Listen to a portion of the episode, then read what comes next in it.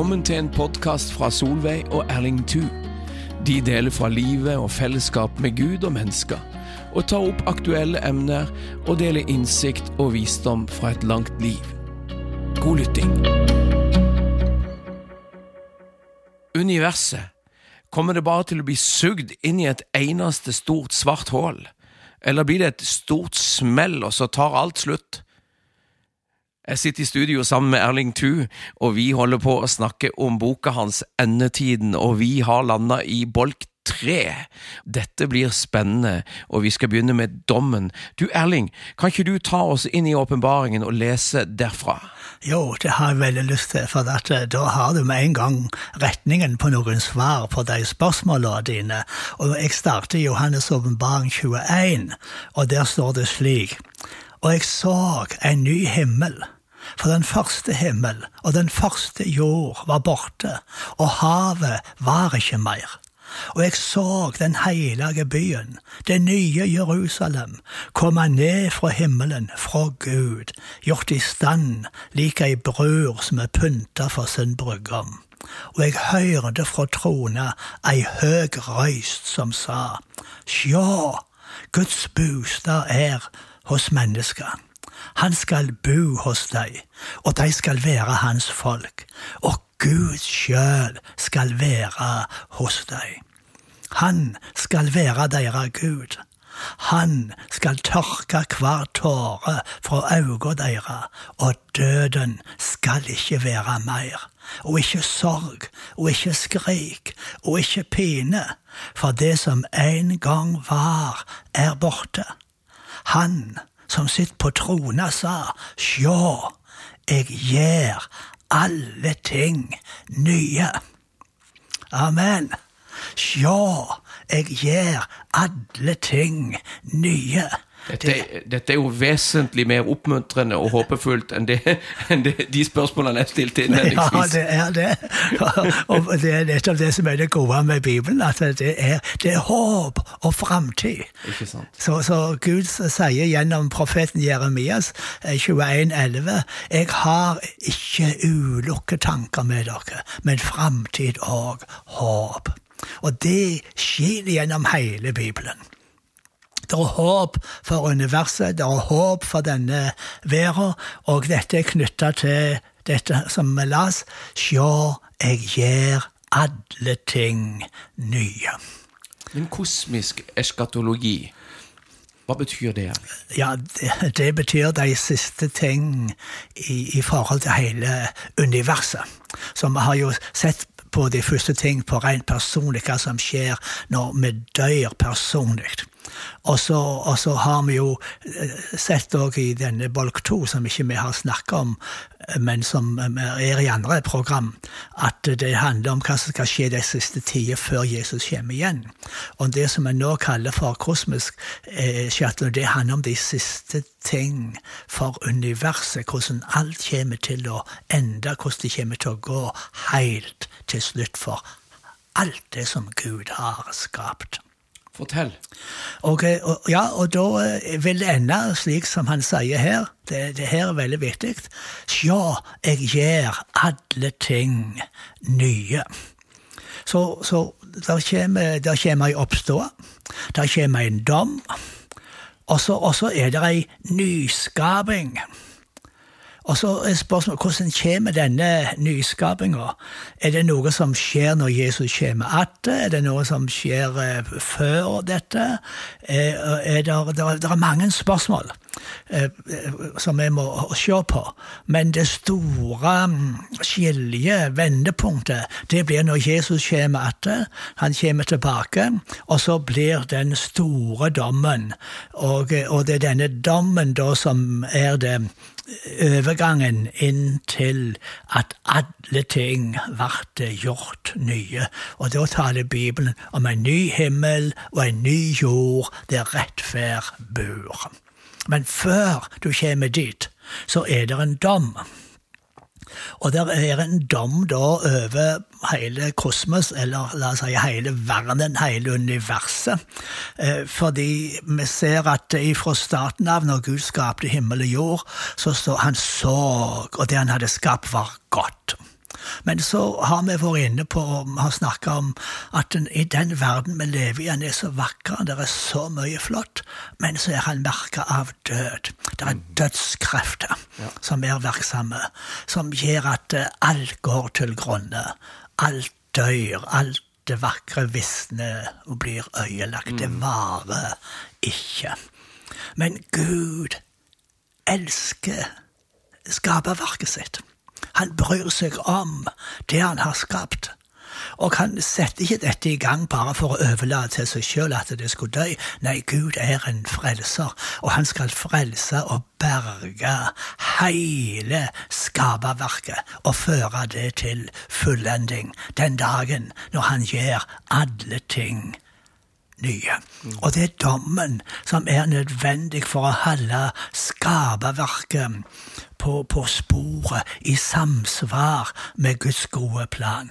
Fordi Gud er kjærleik så kan han ikke tillate at de vonde kreftene skal øyelegge det vakre skaperverket. Han må gripe inn gjennom dom og berge skaperverket ifra øyelegging.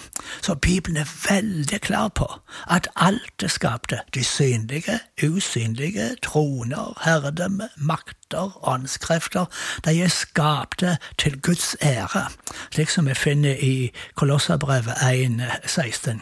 Og derfor må alt gjøre regnskap for Han, for hvordan de har tjent Guds plan. Så det vi gjør, det får konsekvenser. Og når Gud dømmer, så gjør han det alltid med et frelsende plan. Alltid en frelsende mening. Gud finner ikke noe glede i å straffe. Så det er ikke poenget.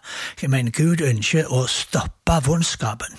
Gud ønsker å gjøre ende på de øyeleggende kreftene, fordi Gud ønsker å, å berge. Slik som for eksempel når israelsfolket var sett fri ifra Egypt, så gjorde Gud det gjennom domshandlinger. Så denne dommen gikk over egypterne på ulike måter på de eh, greier, slik at eh, han kunne sette folket fri og føre det inn i alt det han hadde lovet. Så det er veldig viktig for oss å forstå at Guds dom har alltid et frelsende element i seg, og Gud dømmer for å stoppe vondskapen, stoppe uretten, stoppe det skadelige, og berge og frelse og føre til fullending det han har skapt. Og, og, og derfor så um, må vi se dette òg i sammenheng med når synda kom inn i, i, i, verden. Så ble hele jorda, hele skaperverket, det ble råka av ei forbanning. Mm. Og, og, det er disse dødskreftene som vi ser rar. Og, og det er alt dette vonde som skjer. Det er denne forbanninga som kom inn. Og dette dette er det Gud vil gjøre slutt på. All dette uskuldige blodet som har blitt rent ut, all denne uretten som har blitt gjort, har gjort jorda urein og forbanna, og jorda trenger å renses. Og dette, denne jorda skal da renses igjennom dom og settes fri ifra alle øyeleggende krefter. Så Peter taler om dette i 2. Peter brev, det tredje kapittelet. Og eh, han taler om at det skal gå gjennom ei rensing, og så skal det bli en ny himmel og ny jord. Og når Paulus, når Peter snakker om dette, så han, eh, bruker han flaumen med Noah, som, hvor Gud ga mennesket en ny start, og var mm. vondskapen blitt så stor at Gud måtte gripe inn og stoppe vondskapen. Men det er jo ganske grotesk, Erling, dette at, at, Gud på en måte lar det komme så mye vann, og så vanvittig mange mennesker dør. Eh, så det var rett og slett fordi at det hadde gått så langt, synden hadde gått så langt, at Gud måtte stoppe det? Er det det du sier? Ja, det er det Bibelen forklarer. At synda hadde blitt så stor, vondskapen var så stor, det var så mye urett og vondskap at Gud kunne ikke tåle å se på det, så han måtte stoppe denne vondskapen. Og så, og, og så berga han, for ellers hadde hele menneskeslekta øyelagt seg sjøl. Og så måtte han, så han berga menneskelekta gjennom denne dommen, og så fikk mennesket en helt ny start. Ja, Det kommer en dommedag, skriver du i boka di. Ja, det gjør det. Så det kommer en dag, heldigvis, når Gud skal gripe inn, og Gud skal dømme, og Gud skal sette oss fri. Og det innebærer òg dette at eh, vi har snakket om at hele dette skaperverket er merka av død, og merka av dødskreftene, og alt går til grunne. Og, og sånn vil ikke Gud ha det. Så derfor kommer Gud til å, å gripe inn og sette hele skaperverket fri ifra disse her eh, dødskreftene. Det skal ikke være skrik og pine og gråt og død. Det skal være slutt på dette. At det blir bra. Ja, og og det gjelder ikke bare oss, men dyr og fugler og fisker og tre og blomster. All dette vakre skal, skal bli frelst ifra dødskreftene. Bare tenk deg at det, det er ingen blomster som visner mer. Og det, det blir herlig og skjønt, og eh, det, det er jo bare fantastisk når disse dødskreftene har blitt borte. borte. Og, og da blir hele jorda og hele skaperverket kan leve i fellesskap med Gud. Da blir det ikke lenger skille mellom himmel og jord. Himmel og jord har blitt sam, sammeina, slik som Paulus sier i Efeserbrevet. 1.10 at Guds frelsesplan er å samle alt i himmelen og alt på jorda. Det skal han samle under Jesu Kristi herredømme. Og, og, og, og da blir det harmoni mellom himmel og jord. I dag er det stor avstand imellom det himmelske og gode og de tilstandene vi har på jord.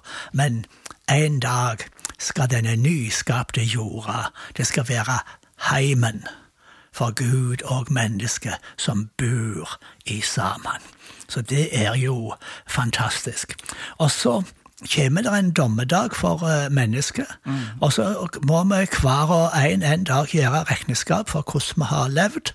Og, um, og da er jo det avgjørende spørsmålet om hvordan vi har vært i forhold til Gud, om vi har vendt oss til Han og bedt om nåde, og tatt imot den frelse som Jesus har gjort tilgjengelig for oss ved sin død og sin oppståelse på korset. Så han har, Gud har forsona verden med seg sjøl. Men hvis folk ikke vil forsone seg med Gud og vende ryggen til, til, til Jesus, ja, da, um, da får dette noen forferdelige konsekvenser. Men vi kan ta imot Jesus som vår frelser, Erling, men, men betyr det noe? Er det viktig hvordan vi lever her i forhold til resultatet i dommen? Hva tenker du om det? Absolutt. Ja, hvordan da? Jo, for alt Vi skal gjøre regnskap for hvordan vi har levd. Og der, er, der vil bli ei lønn. Så, så, så vi er ved trua på Jesus, så vil vi bli berga. Men Paulus taler om at du kan miste lønna si. Hele livsverket ditt kan brennes opp i eld og bli borte. Så uh, Så da blir det viktig det det står om at det du gjorde mot en av disse mine minste, det gjorde du mot meg. Absolutt. Ja. Ja, absolutt.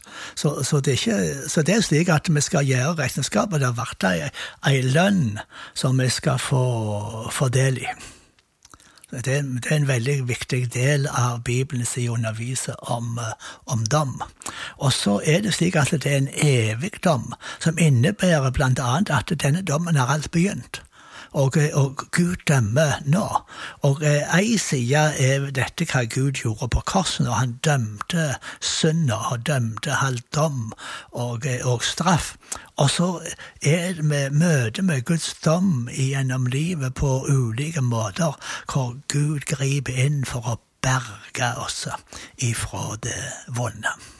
Det syns jeg er, har vært et viktig perspektiv i boka di, Erling. Dette med at dommen er faktisk for å berge oss. For dommen det kan virke veldig alvorlig og hardt, men samtidig så er det egentlig det som gir oss en restart og gir oss mulighet til å, å, å nettopp finne Gud i dette. Ja, Gud dømmer fordi han er kjærlig. Han er kjærlig. Gud dømmer fordi han elsker skaperverket sitt, han elsker mennesket. Derfor må han dømme synda, for synd øyelegger mennesket. Synd øyelegger denne vakre verden han har skapt. Og, og, og, derfor så må Gud eh, dømme dette. Og det gjør han fordi han bryr seg om det han har skapt. Han bryr seg om skaperverket. Han bryr seg om mennesket. Og, og, og heller oss ansvarlig for måten vi lever, og så må han stanse synda, stanse vondskapen og sette oss fri ifra det. Og det er det som han gjør igjennom dommen. Erling, tusen takk. Det var en kjempeflott uh, gjennomgang av dommen. Og bare heng på, så får du del to i dette spennende avsnittet, bolk tre i boka til Erling om endetiden.